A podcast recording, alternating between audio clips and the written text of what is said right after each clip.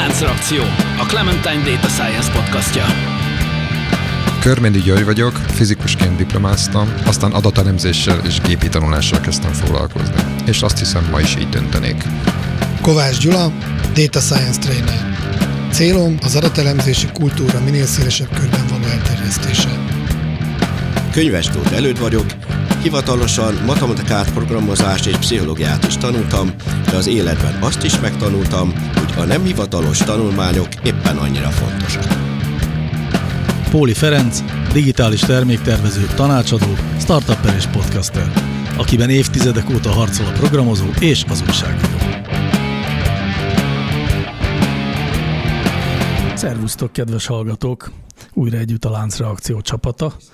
Azon belül is a szokásos társaság háromnegyede van itt, előtt ma nincs ezen a mai felvételen.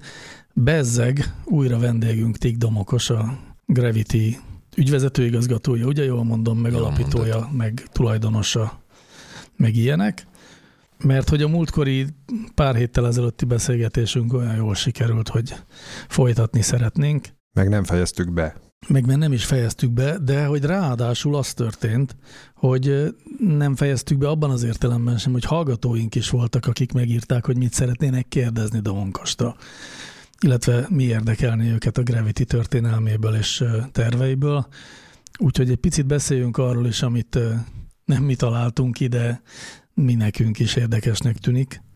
Amennyiben is voltak kérdések, amik arra vonatkoztak, hogy hogyan is működik egy ajánlórendszer, mindjárt konkretizálom, meg voltak olyanok is, amik az üzleti modellel a, az ajánló rendszerek, mint termék működéssel voltak kapcsolatosak. Talán vegyük először a, a működéssel kapcsolatos dolgokat. Szóval, hogy az volt az egyik kérdés, ami engem is nagyon érdekel, hogy kell-e az okos marketinges beavatkozása, tehát egy ajánlórendszernek el kell levennie a marketinges munkáját, és magától kell tudni ajánlásokat adni, vagy kell bele az a finom hangolási per befolyásolási opció, amikor egy marketinges megmondja, hogy jó-jó, tudjuk, hogy mit tudnánk ajánlani az ügyfélnek, de most azért inkább ajánljunk mégiscsak lábasokat, mert most lábas akció van. Te erre a válasz az is is. Tehát uh, nyilván szükség lehet a marketinges beavatkozására, Elsősorban akkor, hogyha vannak ilyen akciók, tehát hogy vannak olyan üzleti célok, amikről az ajánlórendszer, a bóvó nyilván nem tud értesülni, hogy most van egy lábos akció, de azért elég erősen alá tud dolgozni a marketingesnek az ajánlórendszer, tehát hogy például, hogy melyik lábost érdemes ajánlani, azt ki tudja választani. És ez fordítva is igaz? Tehát az ajánlórendszernek van szüksége arra, hogy alá dolgozzon az okos marketinges? Nem feltétlenül. Tehát ez inkább fordítva van, az ajánlórendszernek adatra van szüksége, e, meg arra, hogy az adat az tiszta legyen. Tehát, hogy leginkább azzal szoktunk szembesülni, hogy az egyik legnagyobb probléma az, hogy egy elég erős adattisztítás szükséges minden egyes integráció elején, hogy azok az információk, amiket kapunk, azok rendezettek legyenek, tehát mit tudom én, rendesen ki legyenek töltve a termék metaadatok, vagy e, amikor felhasználói eseményeket kapunk, akkor deduplikáljuk őket, mert van, hogy egyszer sokszorosan küldik el ugyanazt, és az nyilván félreviszi az ajánlórendszert, hogyha ezeket a jegyeket többször veszi figyelembe. Uh-huh. Hogyha már ilyen akciók szóba kerültek, a, például az ilyen Black Friday, ami nem is tudom mióta van Magyarországon, de Amerikában azt hiszem elég régóta, ezek problémák te a rendszereiteknek? Tehát ezzel külön kell foglalkoznunk ilyen extrém eseményekkel? Ha jól tudom, olyankor brutálisan megugrik a forgalom, tehát nem egy hétköznapi magatartást látok. Igen, ezekkel általában foglalkozunk el, attól függ persze, hogy mekkora az ügyfélmérete, de a nagy ügyfeleknél foglalkozunk el olyan szempontból, hogy az infrastruktúra rátaskálázni kell ezekre az akciókra. Volt már olyan eset, amikor szóltak előre, hogy várhatóan jelentősen megnő a forgalom, aztán sajnos nem lőtt meg annyira jelentősen, tehát túlkészültünk, ilyen is volt, de azért általában egy ilyen tehát többszörösére szokott növekedni, csak nem feltétlenül nagyságrendekkel nő meg a forgalom. Uh-huh. És a modellek ilyenkor ugyanolyan jól működnek, vagy ilyenkor tényleg boldog-boldogtan mindent vesz, tehát tök mindegy, hogy milyen volt eddig a profilja, a Black Friday-nál lát, nem tudom, egy, egy akciós tévét, veszek még egy tévét, most sose árt. Alapvetően nem az a jellemző, hogy az ilyen webáruházas vásárlások profil alapúak, tehát hmm. inkább szándék alapúak. Tehát amikor oda megy valaki egy webáruház honlapjára, akkor az, hogy korábban mit vásárolt, az nem feltétlenül határozza meg, hogy most mit fog vásárolni, úgyhogy ez session alapú jellemzően, és nyilván, hogyha vannak jó akciók, népszerű akciók, és a jó akciók azok a népszerűségben mérhetőek le, és ezt az ajánlórendszer nagyon gyorsan tudja beépíteni, hogy melyek a népszerű termékek, akkor azokat kell ajánlani, és nyilván azok fognak elfogyni Aha. ilyen Black Friday esetén le legelőször, ezért érdekes, hogy ez erre a hatásra az ajánlórendszer rá tud erősíteni. Aha. Egyébként ide kapcsolódik az a kérdés is, hogy milyen torzítások, milyen elfogultságok tudnak megjelenni egy ajánlórendszerben. Hát például ez az egyik, ezt é, úgy, hívja az, úgy hívja az angol szakirodalom, hogy popularity bias, uh-huh. vagy bias. Az ajánlórendszer erre, hogyha nincsen fölkészítve, hogy, hogy ezt valahogy ellensúlyozza, akkor bele tud esni abba a, a hát nevezzük hibának, vagy hát inkább felerősíti azt a mhm. hatást, hogy a népszerű termékeket sokan vásárolják, akkor nyilván azért azt fogja ajánlani, hiszen ez növeli az ajánlórendszer sikerességét, és akkor erre le vannak olyan módszerek, amelyek ezt kezelik. Ezt szokták szinte először angolul mondom, ilyen exploration, exploitation problémának hívni, tehát hogy van az exploitation, rész, tehát a kihasználás rész, amikor a katalógus legnépszerűbb termékeit ajánljuk, és akkor ebbe bele lehet keverni az exploration-ből, tehát a felfedezésből azokat uh-huh. a, tehát a katalógusnak azon termékeit, amelyek kevésbé népszerűek, és valamilyen véletlenszerű arányban, meg véletlenszerű módszerrel kiválasztani néhányat ezek közül, de hát nyilván uh-huh. itt jól be kell állítani, hogy mi legyen a kettőnek az aránya, és hol, tehát hogy milyen hmm. megjelenési felületen, mert uh, nyilván az sem cél, hogy csak a long table ajánljunk, tehát a... Hát a... ezért tudok olyanra gondolni, amikor nem is az, hogy a long tail, nem biztos, hogy ez a, de lényegében ez. Tehát, hogy a, ugye egy csomószor azt csinálják mondjuk a, pont a Black Friday-nél, hogy egy-két ilyen top termékkel, vagy egy-két ilyen nagyon vonzó, így általában nagyon vonzó termékkel reklámozzák, de abból ugye nagyon kevés van. Uh-huh. Vagy hát feltételezhető, mondjuk nagyon, meg nem csak az, hogy vonzó a termék, hanem nagyon vonzó az ára is. És akkor hát ebből szoktak a botrányok lenni, hogy már a kettő perccel a nyitás előtt elfogyott a, mind a 17 daraba, mi az országban volt, és akkor... De most ilyen esetben viszont a, akkor azt gondolnám, hogy az ajánlórendszernek az lenne a dolga, hogy ilyet egyáltalán ne ajánljon. Igen, ezt be lehet állítani külön. Hogyha mondjuk netán kapunk egy ilyen információt, hogy van valamilyen jellegzetesség a katalógusnak, meg a rendelkezésre raktárkészletnek. És mondjuk ilyenkor az, az ajánlórendszer arra is jó, hogy a mondjam, a raktárba porosodó termékeket kisöpörjék, Aha. tehát ilyen készlet kisöprésre is alkalmas, mert azt mondjuk, hogy fú, hát ez az a X termék, amiből maximum 10 darab van, akkor ajánljuk ezeket, és ha ezek kifutó termékek, akkor ki lehet őket listázni. Egyébként ez emlékeztet a pár, pár adással ezelőtt beszéltünk a TikTok ajánló motorról, és ugye az nagyon sikeres a TikTok, azt most nagyon dicsérik, hogy az jól pörög, és ott az volt a trükkje, hogy néha olyat is bedob a TikTok, ami nem a te profilod. Tehát véletlenszerűen bedob egyéb témákat, hogy egy kicsit kimozdítson, ne csak a cicás videókat nézegesd egész nap, és azt mondják többek közt ez is a sikertitka. Tipikus exploration, exploitation megoldás. Csak eddig ezt így nem tudtam ilyen szépen elmagyarázni. A készletkisöprésről jut eszembe, és akkor ez már egy kicsit inkább üzleti modellel kapcsolódik, hogy amikor, amikor kész van a termék, tehát amikor ajánló rendszer tud jó ajánlásokat adni, és hozzáigazodott a főbb vevőknek a kereskedelmi rendszeréhez, akkor mi a következő lépés egy olyan cég életében, mint a tiétek? Tehát milyen irányba bővítitek, ha egyáltalán bővítitek a rendszert? Funkcionálisan vannak-e újabb dolgok, vagy tudom is, a piacbővülés ilyenkor a cél inkább? Többféle cél lehet ilyenkor, nyilván piacbővülés az mindig cél. Az mindig cél, igen. De ezen kívül alapvetően két irányt folytatunk mi, és akkor vannak, van még további lehetőség. Tehát mi például nem megyünk el abba az irányba, hogy kezdjünk el, nem tudom én, webplatformot, vagy Aha. webáruház platformot is fejleszteni, és akkor legyen egy saját. Tehát, hogy mi szándékosan továbbra is erre a területre akarunk specializálódni. Azt gondolom, hogy nagyon fontos egy startupnak, mert a Gravity az még mindig bőven startup, fókuszáltnak maradni. Amire mi fókuszálunk a az ajánlórendszer tematikán vagy personalizáción belül, az az, hogy milyen egyéb funkciókkal, modulokkal tudjuk kiegészíteni a standard ajánlódoboz funkciót. Uh-huh. Ilyen például a personalizált keresés. Ennek több válfala is van, tehát hogy amikor elkezdi a felhasználó gépelni a kereső szót, akkor egyrészt tudunk már ott személyre szabottan arra illeszkedő kereső szavakat, vagy akár termékeket ajánlani, vagy termékkategóriákat, tehát ez jól parametrizálható.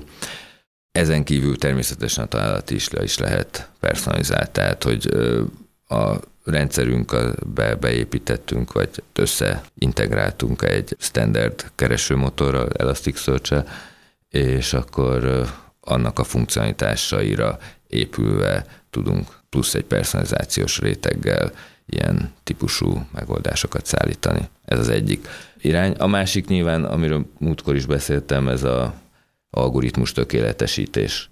Ott ugye vannak kisebb lépések, meg időnként, jó esetben, időnként vannak nagyobb ugrások. Uh-huh. Az egyik félmondatodról jutott eszembe az a kérdés, mondjuk, hogy csak érintőlegesen kapcsolódik ide, hogy de szerintetek ma 2022-ben egy magyar nyelvű webes szolgáltatásban, ha van egy kereső funkció, akkor az tízes skálán mennyire ciki, hogyha az karakteres egyezésre működik? Se annyira. Ezek kis cégek. Igen, gyakran ilyenek, vagy majdnem mind ilyen, tehát most igazából Hát igen, hát csak ilyen... hogy nem úgy van-e, hogy most már nagyjából minden platformban van ennél fejlettebb, legalább nyelvi értelemben hasonlóságra kereső tehát nem csak karakteres egyezésre, hanem, hanem nyelvi hasonlóságra kereső, illetve hát adott esetben, mint ahogy egy, egy kereskedelmi rendszerben, amikor beírom azt, hogy nem tudom, telefon, akkor értelmes ajánlatokat kapok. Se a legjobb tudásom szerint, se a, már a szakmai oldalról, meg se a ügyfélként vagy felhasználóként az érzésem ezt nem, nem igazolja, hogy ezek ilyen nagyon rafinált, vagy, vagy ilyen fejlettebb keresők lennének. Hát hol van, ahol van, ahol nincs. Szerintem ez egy költségvetési kérdés. I- igen. Nekem erről egy más jutott eszembe, ezt nem, ezt nem tudtam, hogy ilyet is csináltuk. Ugye azon a, a, a Google jutott eszembe, hogy ott is a keresőbe beírom, és szinte már az első karakterből tudja, hogy mit keresek, félelmetes egyébként. És aztán... Nyilván azt, mert más. Ugyanazt, igen, köszönöm. Hát csak annyit kell gépen, hogy P-O-R, és akkor egyből jön az értelmezhető tám. Bocs Gyula, hogyha azt gondoltad, hogy csak te kerestél rá. Igen. igen. Pedig mindig azt hittem, hogy én olyan különleges vagyok, de egyre inkább úgy érzem, hogy átlag, nagyon átlag vagy. És ugye majdnem mindig, amikor valamit akarok venni, akkor ezeknél az árukkereső oldalaknál kötök ki, ilyen, amik összehasonlítanak az nektek mennyire konkurencia? Mert ugye ez egy, egy szinten magasabb, ugye ott 5-10-15-20 cég, és gyakorlatilag ár szerint sorba rendez. Én, mint tipikus felhasználó, a legolcsóbbat nézem, és csak annyit csekkolok, hogy ez mennyire zűrös cég. Higgyek-e benne, hogyha a, nem tudom, egy nagy webáruház, meg egy pici között néhány forint különbség van, akkor nagyot, abban jobban megbízok, de egyébként ott nincs semmilyen ajánló motor, hanem egyszerűen megtalálja azt a 10-15 oldalt, ahol a, nem is tudom, hogy működnek ezek, hogy, hogy be kell regisztrálni. Persze. Uh-huh. Igen. Attól melyik tényező szempontjából hogy működnek, tehát a webshopoknak nyilván integrálódniuk kell ehhez. Mi foglalkoztunk ezzel is, volt egy rövid kísérletünk erre, de alapvetően azt láttuk, hogy itt ezeknek a szolgáltatóknak olyan kicsiny a marzsa, hogy arra mi már nem tudunk ráépülni. Aha. Uh-huh.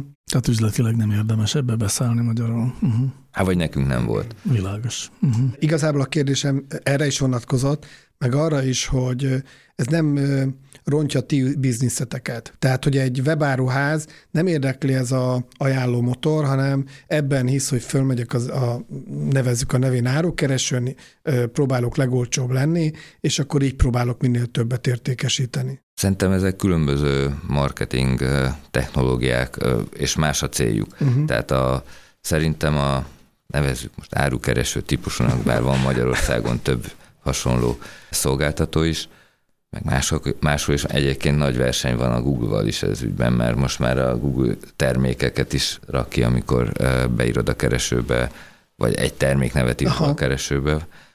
Szóval különböző marketing stratégiák vannak. Az egyik az, hogy, hogy mivel tudják bevonzani a vásárlót egyáltalán az oldalukra. Erre például az ilyen árösszehasonlító uh-huh. oldalak nagyon jók, mert hogyha jó az ajánlatuk, és fel vannak listázva, akkor jó eséllyel oda kerülnek. Hogyha már ott van valaki az oldalon, akkor hogyan maximalizálják uh-huh. a uh-huh. látogatásból a potenciális bevételt, profitot, arra már jobb az, az ajánlórendszer, hiszen a megvásárolt vagy megvásárlandó termékhez uh-huh. akár hasonlót is tud ajánlani, vagy kiegészítőket, vagy esetleg, amikor később ugyanerre az oldalra feltéved a látogató, akkor a korábbi profilját, ha az olyasmi, ami Aha. érdemes használni, akkor fel tudja használni. Még egy kérdésem van, ami kvázi üzlettel kapcsolatos, ez egy opcionális, tehát nem biztos, hogy válaszolni fogsz rá, de ha már mondtad, hogy még mindig egy startupnak számít a Gravity. A startupoknál általában meg szoktak fogalmazni valamilyen célt a, a jövőre vonatkozóan, hogy ez exit legyen-e, tehát hogy a cég eladása e a cél, vagy a, az önálló módon növekedés és az új Facebook válás. Azt hiszem, elég nagy illúzió lenne az, hogy Magyarországról egy önálló Facebook-ká tudjunk válni. Tehát lehetne persze ez a cél, de nem.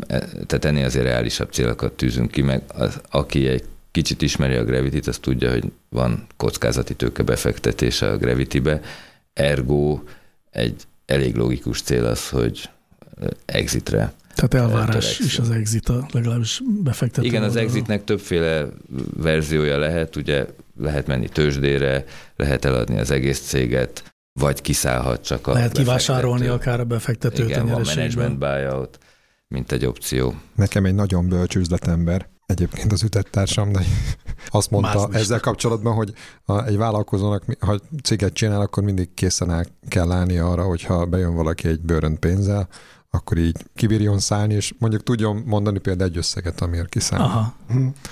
Ez érdekes, mert egyébként nagyon sok vállalkozónak ilyen nagyon személyes viszonya van a cégével a szükségképpen, tehát főleg az ilyen kicsi, kicsike cégeknél és azért aztán így először nem is biztos, hogy tudják értelmezni ezt a kérdést. De aztán persze a startup kultúrában ott meg nagyon benne van az ellenkezője, hogy így Tulajdonképpen amikor, amikor viszont valaki azzal áll neki a cégnek, hogy csináljunk egy startupot, aztán adjuk el jó sokért, és hát azért van egy ilyen típusú kultúra most már, akkor, akkor ott meg mindenféle ilyen fura dolgok lesznek. Tehát Magyarországon is tudok olyan startupot, nem is egyet, meg nem is kettőt, aki általában persze nagyon fiatalok, és akkor elindulnak egy hatalmas ötlettel, és akkor így, hát az ember így nézi, hogy aha, és akkor utána hamarosan, pár hónap múlva azt látja az ember, hogy hát igazából most már valami teljesen más csinálnak. Tehát így újra gondolták az egészet, megint volt, és akkor most megint más csinálnak. A név az esetleg ugyanaz, de ők már igazából más csinálnak. És aztán harmadszor, negyedszer, és nem tudom, hogy ilyen hitelességi problémákat nekem egy kicsit felvet már az elején, de de, de tehát, hogy ez teljesen egy... logikus. Uh-huh. Tehát, hogyha a piacnak az a visszajelzése, hogy az első ötlet nem volt annyira zseniális, akkor ez az alkalmazkodásnak a Na jó, csak azért azt így el kéne, el kéne hinni azt, hogy az a dologhoz értenek, hogy tényleg ők, ők azok, akik ezt megcsinálják. Tehát mondjuk, mondjuk a te, példáloznék, hogy azért nálatok el lehetett hinni, hogy az ajánlórendszerektek az valamit konyítotok, hogyha ottan produkáltatok a Netflixen és utána nem kényszerültetek arra, hogy ilyen léptékben átgondoljátok, és nem tudom, kép felismerő rendszerekkel, vagy, vagy orvosi diagnosztika analizálással kezdjetek el foglalkozni, mert így, mert jött egy jobb ötlet. Tehát... Mhm. De azért nálunk is voltak egyébként elég jelentős irányváltások. Viszont engem az a pillanat érdekelne, és szerintem sok olyan hallgatónk van, akik ilyen fiatalok, és pont szeretnének olyan sikeresek lenni, mint ti, hogy csak hogy nagyjából hogy képzeljem el, hogy működik ez, hogy, hogy egyszer csak megjelenik egy kockázatőke befektető, hogy ti házaltok, vagy, vagy bekopok hozzátok, mennyire hosszú egy ilyen folyamat, több lépcsős, tényleg megkapjátok a pénzt, hogy ez csak papíron van. Tehát ilyen egy kicsit a ködöt oszlatnál, mert szerintem sok, sokan vannak, akik alig várják, hogy beszálljanak a kis startupjába, kockázatőkések, de szerintem fogalmuk sincs, hogy mit jelent ez. Szerintem mind a két út létezik, tehát hogy van, aki házal, és akkor előbb-utóbb, ha olyan a, mit ajánl, a, a kockázati tőkebefektetőknek, ami felkelti az érdeklődést, akkor kapni fog. A másik pedig, hogyha annyira e, zseniálisnak tűnik a mi termékelő, kiment a piacra, és már látszik, akkor elképzelhető, hogy a kockázati tőke fogja megkeresni.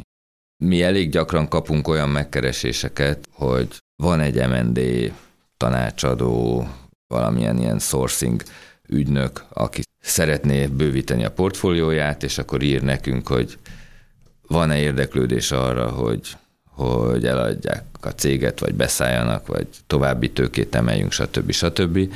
És ilyenkor azért megszoktak szabni bizonyos kereteket, tehát hogy mi az a minimum, amiért mondjuk Amerikából lehajolnak, és mondjuk ezek elég magasak szoktak lenni, tehát ami általában hasznos, hogyha egy, az ember egy amerikai befektetőt szeretne, az, hogy a havi bevétele az rendszeres legyen, uh-huh. tehát hogy a, ez a software as a service típusú bevétel az ebből a szempontból egy szuper dolog, mert, a, mert az jól tervezhető. A másik, hogy azért néhány millió dolláros éves bevétele legyen ebből, tehát a néhány millió dollár az inkább olyan 5-10-nél kezdődik, és akkor ez már ugye Magyarországon ez a hát mostani árfolyammal mondjuk ilyen két milliárd forintos árfolyam környékéről Az már indul. térképen van. Az már bőven a térképen van. De szerintem, amiről te meséltél, vagy te kérdeztél, az inkább az, amikor még csak ötlet formában van, akkor szerintem inkább házalni kell vele. Uh-huh. Hát akkor házalni Akkor kell egy- vele, egyértelmű. Van így egy ilyen egyébként ti még- kapcsolatban. Igen, igen. Ti még házaltok, vagy most már titeket inkább megkeresnek? Mi már egy jó ideje nem házalunk. Uh-huh. Annyi még hozzátartozik a Gyula kérdéséhez, hogy, és ez valamelyest Gyuri előbbi felvetésére is válasz, hogy tehát az, hogy legyen egy jó ötlete egy csapatnak, az tényleg a, a minimális belépő, azzal még nem lehet igazán Uh-huh. pénzt kapni, és általában a startup nem is arról szól, hogy mi az ötlet, hanem arról szól, hogy milyen a csapat.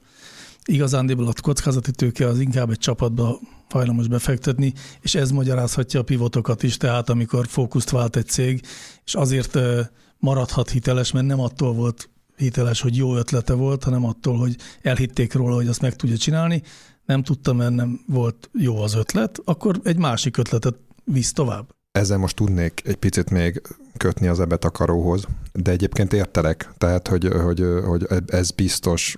Talán, talán maradjunk abba, hogy a csapat is nagyon kell hozzá.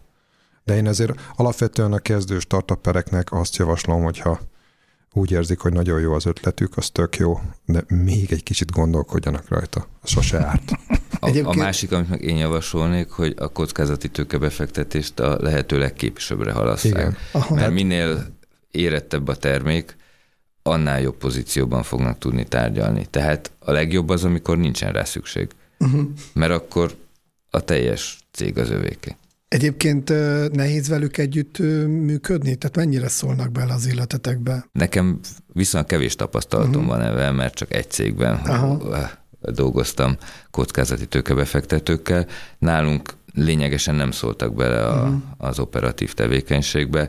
Nyilván vannak beszámolási kötelezettségeink, havi, negyedéves, éves, stb. Van egy igazgatóságunk, meg egy közgyűlésünk az igazgatóságban is ott ülnek a befektetők által delegált tagok, és azért figyelemmel kísérik azt, hogy mi zajlik. Gondolom a korai fázisban, az már nálunk el- elég régen volt, akkor azért nagyobb figyelemmel kísérték, amikor még igazán küzdöttünk azért, hogy megmaradjunk a piacon. Most már azért van egy standard üzletmenetünk jó pár éve, ha nem is sok, de azért látható profitot is tudunk termelni, amit visszafektetünk termékfejlesztésbe, tehát alapvetően nem, nem osztalékra hajtanak ők sem, Uh-huh.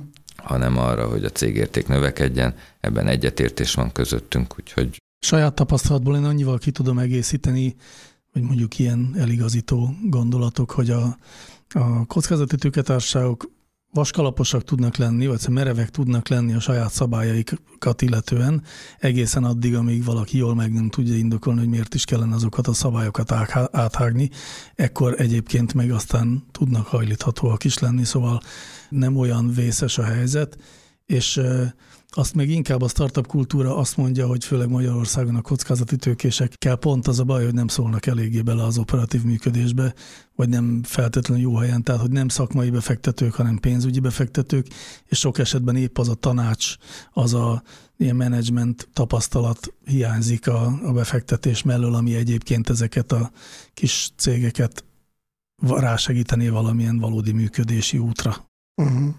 Én most majd elterelném már egész másra a szót, ami inkább az a aspektus a dolognak, amikor te nem startupot akarsz csinálni, hanem céget, tehát működni akarsz, és bevételt generálni, meg, meg, meg profitot.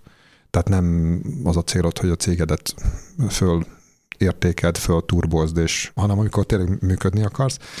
És ebben, hogyha az ember ilyen adattudományi gépi tanulási technológiára épít, viszonylag széles körben, akkor az egy jellegzetes probléma, hogy a legtöbb üzleti problémára vagy, vagy feladatra igazából viszonylag könnyű egy ilyen vagy heurisztikus, vagy valami nagyon egyszerű algoritmusra épülő modellt csinálni, ami adott esetben nem teljesít hátborzongatóan rosszul, sőt, mit tudom én, egész jól tud mondjuk működni.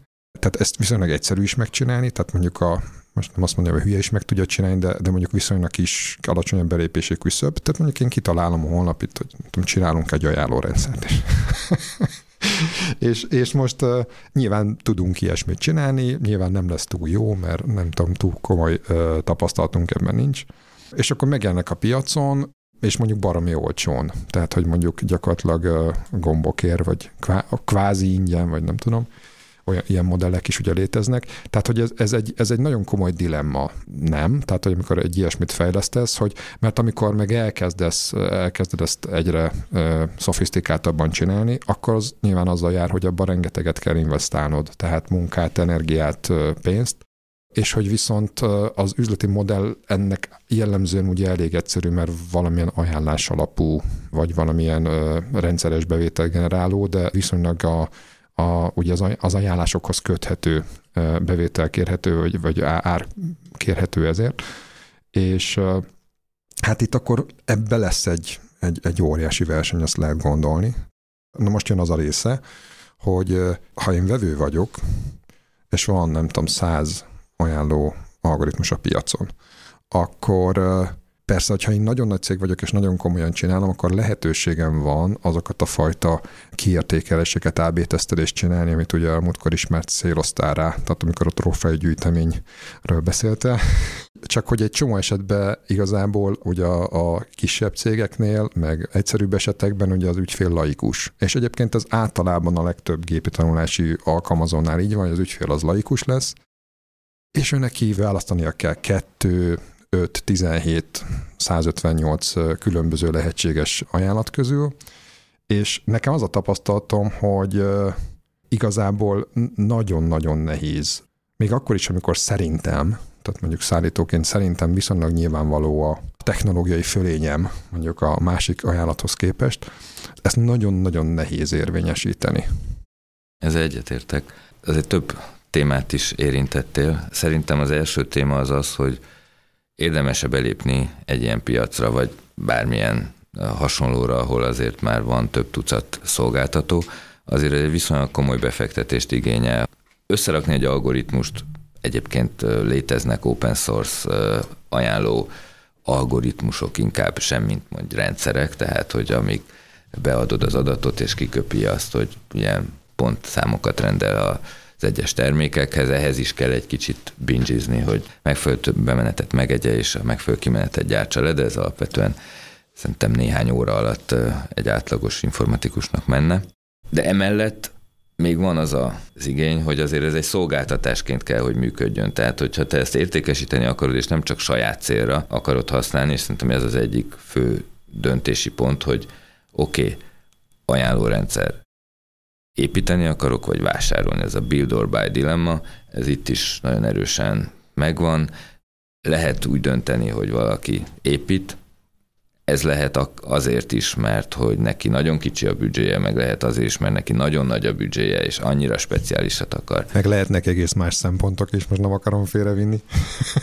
Lehetnek nyilván más szempontok. Ezt tudom árnyalni, ezt igen, ez egy nagyon alapvető kérdés. Igen. Tehát szerintem ez az első fontos döntés, hogy ő építeni akar, vagy vásárolni. Azért az építésnek számos olyan hátulütője lehet, amivel feltétlenül az első pillanatban még nem szembesül, a, aki úgy dönt, hogy építeni akar. Például, hogy lesz-e hozzá informatikus erőforrása. Ez manapság egy viszonylag gyakori probléma. Azok, akik építik, azok ott maradnak-e? Vagy folyamatosan cserélődő csapat van? És akkor itt hadd dobjam be, akkor mindjárt, amikor, amikor mondjuk van egy 50 fős csapatom, és jövőre is kell nekik valami feladat, akkor arra fogok inkább hajolni, hogy majd jövőre is, amikor egy olyan dilemmám van, hogy mondjuk építsek vagy vegyek, akkor még ha esetleg sokkal racionálisabb lenne a vétel, akkor is hát a fiúknak kell munka. I- igen, tehát lehet. Ez is létezik. Ez is, tehát igen, én is láttam már ilyet, hogy, hogy azért dönt egy cég az építés mellett, mert hát itt van nekünk ez a tudom én, x darab fejlesztőnk, valamilyen munkát célszerű nekik adni, hiszen az én pozícióm is attól függ, hogy ez a igen, tíz igen. fejlesztő itt van-e alattam. És akkor ez egy viszonylag nehéz értékesítési pozíció számunkra. Tapasztaltam már ezt. De hát ez az egyik döntés. A másik, amikor választani kell a piacon lévő ajánlórendszerek között, az valóban egy nehéz döntés, mert általában mindenki azt mondja, hogy az enyém a legjobb. Lehet árral versenyezni, de szerintem ez egy idő után nem éri meg, mert jó, hogyha van kockázati tőke, tőkéd, amit el tudsz égetni piacszerzés célra, akkor ez egy darabig működhet, de aztán az a pénz elfogy, hogyha továbbra is égetni akarod a pénzt, akkor nyilván higulni fogsz a saját cégedben, ez nem, ezt nem lehet a végtelenségig csinálni, de hát azt én látom a, a piacon, hogy azért vannak időnként olyan versenytársaink, akik mondjam azt, hogy pofátlanul olcsó ajánlattal, vagy nehezen kitermelhető ajánlattal Hát nincs árazva, meg. nincs ár, nincsenek árazva feltétlenül a költségeik, az látszik, vagy úgy Igen. tűnik. De ilyenkor valóban nehéz döntés a vásárlónak. Az a helyzet, hogy erre mi a content marketinget szoktuk használni, azaz igyekszünk olyan tartalmakat gyártani, amelyek eléggé fajsúlyosak és magvasak olyan szempontból, hogy a népszerű keresőmotorokon hívjuk Google-nak, a, az első oldalon a fontos keresőszavakra ott legyünk. Ez egy folyamatos és nehéz munka, mert a, nyilván a versenytársaink is ezt próbálják csinálni.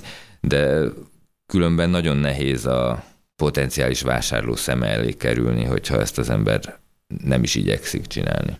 Igen. Én most olvastam a LinkedIn-en pár napja, hogy Jól láttam, hogy van nálatok ügyfélelégedettségi igazgatóság? Én nem tudok róla. nem, az egyik divíziónkat úgy hívjuk, hogy Customer Success Team. Uh-huh. És ezt azért hívjuk így, mert ez az a részlegünk, ami kiszolgálja az ügyfeleket, mind a kis, mind a nagyvállalatokat is. Van egy másik csapat, amelyik egy kiemelt partnerünkkel dolgozik együtt közösen, és van a kutatófejlesztő csapat. Uh-huh. Tehát, ha jól értem, a, most már azért nektek is olyan kihívásaitok vannak, meg kapcsolatrendszeretek, hogy szükség, tehát nem csak arról van szó, hogy jó az algoritmus, és magától megy az üzlet, és mindenki boldog, hanem azért kell egy, egy olyan részleg, amelyik ápolja a kapcsolatot a kulcsügyfeleitekkel. Természetesen, tehát hogy hát ez akinek, mindig is megvolt. Akinek van ügyfele, az szerintem szüksége van. Én halál komolyan mondom, hogy ez egy annyira jól mérhető dolog, hogy az ember el tudná képzelni, hogy hogy mindig nézik hónapról hónapra, hogy hogy teljesít az jelenrendszer, ha jó, akkor nem kell ide kapcsolattartás, mindenki boldog. Hát ez ennél Ennél azért, ez az ideális világ. Igen általában azért nem így működik. Tehát például rá kell venni az ügyfél oldali kapcsolattartót, hogy nézze meg a riportot. Uh-huh. Ez nem feltétlenül magától értetődő, Aha. hogy megnézi a riportot, hogy az is fontos, hogy hogyan kell értelmezni azt a Aha. riportot, és mivel emberek vagyunk, időnként szerintem szükség van a legalább egy telefonos, tehát hogy nem csak írásban történő kommunikációra. Nekem az a mániám, hogy vegyétek fel a telefont, és beszéljetek. Tehát, hogy az nem beszélés, hogy ráírtam. Igen. Hát a másik az, hogy ha esetleg el akarsz valami, tehát ilyen upsell, el akarsz nekik valami mit adni, amit eddig nem használtak, akkor az nem megy máshogy, mint hogyha használaton keresztül, tehát azon tudsz igazából kontaktálni és megpróbálni értékesíteni. De itt azért, hogyha egy cég vesz egy ajánlórendszert, nehezen vált. Jól látom, tehát ott már azért elég jól bent van egy cég, mint ti is. Nem nagyon váltogatnak ajánlórendszerek között cég. A macerás, az kétségtelen. Nekünk ugye ez egy az viszonylag ex szám, de azért ugye az átlagos ügyfél élettartam az olyan 5 év körül van. van ja, volt ilyen kérdés egyébként, nem tettük fel, hogy mi a legrégebbi ügyfél. Van olyan ügyfelünk, aki 2010 óta ügyfelünk, tehát gyakorlatilag az indulástól. Nem sok ilyen van, nyilván azért sem, mert akkor még nem volt sok ügyfelünk. De egyébként ez tök fontos kérdés, a, bár nem, egy, nem ugyan feltétlenül startupoknak fog, szokták feltenni, mert startup annak is örül, hogyha van ügyfele, már olyan, aki fizet, mert ugye ez is egy nagy különbség, tehát ugye ez egy klasszikus modell, az nagyon sok ilyen startupnál, hogy gyakorlatilag nagyon olcsón, vagy ingyen, vagy ilyen kipróbálható modellek vannak, és akkor igazából, amikor az egy nagy kérdés, hogy valójában füzete ezért a szolgáltatásért bárki, de ha így van, akkor onnantól érdekes azért, hogy a lemorsolódás kérdése. Tehát az, hogy, az, hogy nagyon sokszor az üzletben azzal foglalkozik mindenki, hogy ügy, új ügyfélszerzés. És vannak olyan cégek, akik tényleg csak ezzel foglalkoznak, hogy új ügyfeleket szerezzenek, de szerintem egy a konzervatívabb működésnél nagyon alapvető, hogy, hogy azt az ügyfelet azt próbáld hosszú távon megtartani. Szerintem az a legkönnyebb. Egyébként jó a szolgáltatásod, meg jó a dolgozó. Az adatok alapján ti látjátok, vagy néztek ilyet, hogy úristen, ez a partnerünk nem sokára be fog dőlni, tehát a számok azok nem úgy alakulnak, ahogy kellene, ideje egy új ügyfelet néznünk. Látjuk azt, hogyha a forgalma lefelé megy, Aha. természetesen. Tehát látjuk azt, hogyha havi oldal megtekintések száma csökken, látjuk azt, hogyha a forgalma csökken. Lehetnek ezek ideiglenes dolgok, tehát van, van szezonalitás, nyilván tudjátok, a webshopoknál ez jellemzően ez a karácsony utáni időszak, meg a nyári időszak, tehát a, a tavasz meg a utolsó négy hónap az általában sokkal erősebb szokott lenni, de azért pláne azoknál az ügyfeleknél, akik már jó néhány éve ügyfeleink, ott látjuk, hogy stagnál, fölfelé megy, lefelé megy. Egyébként ezt nézni is szoktuk, mert abból a szempontból is fontos ez, hogy ne Isten nem mi rontottunk el valamit, és vagy rosszul jönnek az adatok, vagy megváltoztattak valamit az adatküldésben, és azért kapunk kevesebb eseményt, vagy keve- vásárlási eseményt, vagy e, oldal megtekintés eseményt. És vannak ilyen hiú elvárások? Tehát én amikor régebben szállítottam ilyen adatbányász motorokat, és nem tudom, hogy egy csőr modellt, és akkor a projekt végén a túloldal panaszkodott, hogy leválogatásban van tízből hat olyan, aki, aki nem is akart elmenni, és maga a ráta egyébként a modell elég jó lifttel működött, de, de valahogy ilyen csoda elvárásuk volt, hogy, hogy akit leválogatunk, az mind el akar menni, és, és hogy, hogy nem százszázalékosan pontos. Tehát van állatok ilyen, hogy úristen, mi nem tízszereződött meg a forgalmunk? Hát, Persze. Hát a kedvencem az az, ugye mi egy, egy olyan szolgáltatást nyújtunk, ahol másodpercenként akár több ezer, vagy a csúcsforgalmunk az több százezer ajánlás kiszolgálása volt, tehát ilyen 200 ezer ajánlás kiszolgálás másodpercenként. Ez elég az sok. Mondjuk nem ennél az ügyfélnél, de azért egy olyan ügyfélnél, ahol a több százas nagyságrend bőven megvolt, ott panaszkodtak, hogy volt, mit tudom én, egy hónapban néhány tucat ajánlás kérés, amit nem válaszoltunk meg. Tehát van egy SLA-nk, ez ugye a Support Level Agreementnek, a, tehát ilyen rendelkezésre állási vállalásunk, hogy az ajánlások, ajánlás kérések 99,5 vagy 9 attól függ, hogy milyen szintű SLA-t vásárol a, az ügyfél, hogy mennyire vállalunk garanciát, hogy annyit kiszolgálunk, és hogyha netán ezt nem tudjuk teljesíteni, akkor az valamilyen anyagi következmények hát, de számunkra hátrányos anyagi következménye jár. De hát ez, hogy mondjam, a, az utcában nem volt ahhoz képest, aminél fel lehetett volna emelni a kezüket. Mégis vannak ilyen nagyon érzékeny ügyfelek, meg van az a másik típus is, aki elvárja azt, hogy azért az, az, az nem jellemző, hogy forgalom többszörözést vár el, mert azért az elején igyekszünk az elvárásokat kordában, kordában tartani. Igen. Jó, a, én a két kérdésem lenne még, így a vége felé. Az egyik az a, az ilyen data privacy, adatvédelem, ilyesmi. De ez inkább ilyen, ilyen kicsit ilyen filozófikusabb a, a kérdés. Tehát ugye ezt a kérdést ugye azok, akik ugye ezzel foglalkozunk, azok tudják ugye magánemberként is nézni, tehát egy kicsit felhasználóként is, meg, meg ugye a másik oldalról, és hogy felmerülnek morális kérdések ezzel kapcsolatban, tehát hogy, hogy azért nyilván vannak olyan lehetőségek, vagy olyan, akár, akár nem is közvetlenül, de mondjuk a, a jövőt illetőleg olyan lehetőségek, amik nem olyan vonzóak, vagy mi sem akarjuk személyesen, hogy, hogy mondjuk ez ilyesmit csináljon akár más. Ugye most itt a Black Mirror sorozatnak a valamelyik első epizódjában van pont olyasmi, az, olyan világ, olyan utópia, amiben az ajánlórendszereknek van valami szélsőséges verziója. És hogy e-, ezzel kapcsolatban mit gondolsz, illetve, hogy kicsit konkrétabb legyek, volt-e már olyan jellegű feladatra való megkeresésetek, amit mondjuk ilyen alapon esetleg elutasítottatok? Mármint olyan alapon, hogy morálisan nem volt vállalható? Aha, mondjuk. Szerintem egyébként ez valóság. A videójátékokon belül azért ez már kezd egy valódi probléma lenni, hogy iszonyúan függővé teszik a játékosokat, hogy mindent vásároljanak meg és erről rengeteg vita van, hogy ez most jó vagy rossz. Ez a legálisan kapható alkohollal is pontosan így van, sőt, még így, sokkal így ebből egyébként. Tehát ezt nem tudom, az ajánlórendszerek talán kicsit másfajta morális dilemmával szembesülhetnek. Igen, egyrészt volt olyan megkeresés, amit elutasítottunk, mert üzletileg nem volt, vagy nem nézett ki rentábilisnek. Vannak egyébként olyan ajánlási feladatok, amelyek nagyon nehezek, és, abba, és hogyha nagyon magas elvárásokat támaszt a vevő, ilyen mondjuk a, jellemzően az utazási oldalakon, ahol ez a hidegindítási probléma mind a felhasználói, mind pedig a termék oldalon megvan, tehát hogy nagyon ritkán jönnek a felhasználók, és azok sem jellemzően ugyanoda akarnak elutazni, hogy ilyesmivel nem szeretünk foglalkozni, mert egyszerre ebben megégettük magunkat, és például az szakmai berkekbe köztudott, hogy mondjuk a booking.com az elég komoly csapatot foglalkoztat ezen, tehát mondjuk a Gravity-nél egy két-háromszor nagyobb méretű csapat csak az ajánló feladatokkal foglalkozik, mert ez egy nagyon uh-huh. nehéz feladat.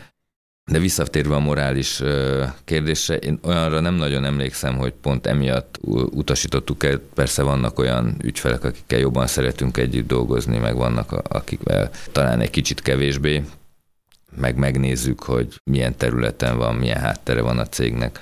Ilyen előszűrést azért szoktunk végezni. A másik, amit szeretnék kérdezni, az meg egy picit a, a jövő, vagy a közeljövő, hogy így. Egyrészt mondjuk akár a szűkebb területeteken, tehát így az ajánlórendszerekben mit látsz, merre látod a, a jövőt, látsz nagy trendváltást, technológiaváltást esetleg jönni? Vagy ha látsz, de nem mondod el, mert nem tartozik a konkurenciádra mondjuk, illetve hogy tágabban mondjuk a mesterséges intelligenciának mondjuk így te mennyire osztod azokat a víziókat, amik itt akár rövid távon valami, valami hatalmas forradalmat gondolnak, vagy, vagy mennyire vagy inkább, mennyire gondolod inkább azt, hogy ilyen kicsit ilyen pragmatikus módon, hogy azért itt ilyen lépésenként fog ez a dolog fejlődni. Alapvetően pragmatikus vagyok. Tehát, Ezt akartam hallani. ez persze lehet, hogy hiba, de én nem gondolom azt, hogy most hirtelen átveszik a gépek a, az uralmat. Azért az is látszik, hogy van egy nagyon erős és folyamatos fejlődése ezeknek a technológiáknak, és mondjuk az, ami elképzelhetetlen volt 5-10 éve, most mondok egy példát, vannak japán ügyfeleink, akikkel japán szerződéseink vannak, japán nyelvű, és úgy szerettem volna tudni, hogy azért mégis mi van abban a szerződésben, és akkor, és akkor ezt néhány kattintással meg lehet csinálni azt, hogy ezt JPGV konvertálja az ember a PDF-et, egy kattintás, utána ezt képfelismerő és fordító szoftver segítségével egy lépésben lefordítja Japánról akár magyarra is talán, de én inkább az angolra próbálkoztam, Aha. és akkor utána ott áll előttem a, a, az angol nyelvű szöveg, viszonylag értelmesen. Tehát, hogy azt, amit úgy ki akartam belőle silabizálni, azt ki tudtam. Tehát, hogy ez szerintem tíz évvel ezelőtt teljes mértékben elképzelhetetlen volt, vagy legalábbis számunkra nem volt hozzáférhető. Lehet, hogy mondjuk a arab nyelvről a NASA-nak, vagy a, a CIA-nak, FBI-nak megvolt, de nem volt ez köz, közkincs. Tehát nyilván van egy ilyen erős fejlődés, de ez viszonylag, tehát ezt látjuk, tehát hogy én nem hiszem, hogy itt ilyen hatalmas ugrások lennének, persze aztán lehet, hogy tévedek. És az ajánlórendszerekkel kapcsolatban ott látsz valamiféle ilyen nagyobb ugrásra esélyt a közeljövőben? Technológiailag, ha erre a kérdésre válaszolni tudnék, akkor nyilván megcsináltuk volna már. És nem mondanád el. Vagy... Ugye a múlt, múltkor elhangzott, hogy ez a neurális háló, ez, ez egy lökést adott nektek technológia. Igen. Ez kb. 5 éves történet, ha jól emlékszem. Hát most már lassan 7. Hát 2015-ben kezdtük. Igen, igen, na, az öt az stimmel, csak Úgy. más kontextus. Csak az idő múlik. Két éve vettük fel azt a programot. adást. Oké, okay, szóval, hogy nagy forradalom nincs a láthatáron, a közeli láthatáron. Hát vagy én nem látom azt, hogy ez itt lenne. Amit tapasztalunk, az az, és ez kicsit reflektál arra a kérdésre, hogy erre a build or buy dilemma kérdésre, hogy viszonylag sok nagy cég dönt úgy, hogy ez annyira fontos része az ő technológiai eszetjének, hogy saját, tehát házon belüli rendszert akar, és akkor nekünk ezzel, erre kell valamilyen választ adni, és erre az a, azt a választ találtuk, hogy, hogy nagy partnerségeket keresünk, ahol megpróbáljuk kiküszöbölni a, a Gravity leggyengébb pontját, az értékesítést, és olyan együttműködés ben dolgozunk együtt, és az előbb említettem, hogy van is egy ilyen részlegünk, amelyik már ezt elkezdte, hogy az ügyfélszerzést azt a partner csinálja, mi pedig egy közös termékkel szolgáljuk ki ezeket az ügyfeleket. Itt azért nagyon fontos, hogy közös termék legyen, mert hogyha ez a mi, tehát ez nem egy ügynöki vagy egy viszonteladói kapcsolat, hanem mind a két fél erősen érdekelt abban, hogy a termék az jól működjön, és a partner, aki nyilván nálunknál egy lényegesen nagyobb cég, az ezért érdekelt az értékesítésébe, és nem azért, hogy jutalékot kapjon a Gravity szolgáltatásának az értékesítéséből. Akkor ezek szerint a forradalom üzleti inkább Hát igazából ha ez nem feltétlenül forradalom, forradalom, ez egy megoldás arra a problémára, ami egy magyar startup kereteiben nehezen megoldható, hogy sok pénz kölcsön értékesítése. Nekem még egy eléggé szakmai kérdés eszembe jutott közbe, azért, mert az egyik podcastunkban beszélni fogunk, vagy már beszéltünk, azt hiszem már beszéltünk arról, hogy, hogy, hogy a, a black box, white box dilemmáról, hogy, hogy van-e feltételezem, hogy van az ajánló rendszerek területén erősödő igény abból a szempontból mondjuk az ügyfelek részéről, hogy ilyen white box módon működjenek ezek a rendszerek. Tehát, hogy magyarázható legyen az ajánlás. Hallottam már ilyen igényt, de azért azt nem mondanám, hogy ez jellemző. Az biztos, biztosan állítható, hogy, hogy az fontos, nem, tehát itt, itt is két réteg van, van a mi ügyfelünk, meg van a végfelhasználó. Ugye a mi ügyfelünk számára az fontos, hogy valamelyest értse, hogy mi történik a rendszerbe, tehát hogy számára ez legalábbis egy ilyen szürke doboz legyen, és ne fekete. Erre szolgál az a vezérlőpult, amit, amit adunk nekik a végfelhasználó számára meg lehet könnyíteni az ajánlás megértését, vagy az ajánlás indokát azáltal, hogyha valamilyen magyarázatot uh-huh. adunk mellé. Ilyen kezdeményezésünk már nagyon korán volt, tehát már 2011-12 környékén volt, volt olyan modulunk, ami tudott magyarázni is, de erre viszonylag kicsiny volt a kereslet, tehát hogy ez egész konkrétan egy ügyfelet jelentett, aki, aki ezt megrendelte tőlünk, hogy ilyen mindenképpen legyen a szolgáltatásban. Imádjuk ezeket az ügyfeleket. de, de tényleg. Mert egyébként tök jó lenne, ha mondjuk így. Szóval ez ettől nehéz egyébként a szakmánk, mert így tényleg vannak ilyen egyedi Szerintem és... érdekes észrevenni, hogy például az Instagram, ami egyfelől az utóbbi időben lényegében egy reklámfelületté változott, és nagyon sok olyan tartalmat kapunk, ami, amire nem iratkoztunk fel, az ezzel párhuzamosan elindította azt is, hogy ott van a magyarázat, hogy ezt a posztot azért látod, mert követed XY-t. Tehát ott, a, ott van egy ilyen fajta kezdeményezés pont erre, hogy, hogy jobban bízzál abban, hogy amit tartalmat kapsz, és nem kérted, azt azért kapod, mert valami oka van, nem csak úgy teljesen random. Ezzel még az Instagram is foglalkozik. Egyébként én érzékelek egy ilyen trendet ezzel kapcsolatban, hogy ilyen, ilyen whitebox metodikák legyenek. Azért ezt Szerintem eléggé erős túlzás ezt whiteboxnak nevezni. Tehát, hogy... én, én azt gondolom, hogy most igen, most dobálozunk egy, de hát annyira megszoktuk szerintem ebben a szakmában, hogy dobálozunk ilyen, ilyen, ilyen szavakkal. de mindegy, tehát hogy, hogy ezt azért a, a, a szellemiségét így rendszerűen érzékelem, meg azt is érzékelem, hogy ez a whitebox most egy ilyen népszerű szó lett, és azt adott esetben ügyfelekkel folytatott kommunikációban az elő kerül, hogy, hogy ezzel kapcsolatban mi van. Ha még ehhez hozzátettek valamit, akkor hogyha belegondolsz abba, hogy a tipikus Amazon ajánló doboznak mi a felirata, hogy azok, akik megvették ezt, azok megvették ezt is, ez már önmagában egy magyarázat. Uh-huh. Tehát azt gondolom, Igen. hogy az, az egyébként egy elég fontos jellemzője ezeknek a megjelenítő felületeknek, hogy hogyan címkézzük meg őket, mert ez segít a végfelhasználónak értelmezni azt, hogy miért látja ott hát, azokat a termékeket. Meg hitelesé teszi nyilván a... Hát igen, persze azt nagyon nehéz leellenőrizni, hogy ez tényleg így van-e, hogy tényleg megvették-e azok a felhasználók. Ezért azért szerencsésebb az, hogyha valamilyen személyes felhasználási múltjához kapcsolódó ajánlási magyarázat szerepel a, a weboldalon. Szerintem eddig jutottunk ma. Hát, ha még jön egyszer hozzánk dolgos. Remény, mi reménykedjünk benne, aztán majd meglátjuk minden esetre. Köszönjük a mai figyelmet, és minden jót a drága hallgatóknak. És köszönöm még egyszer a meghívást.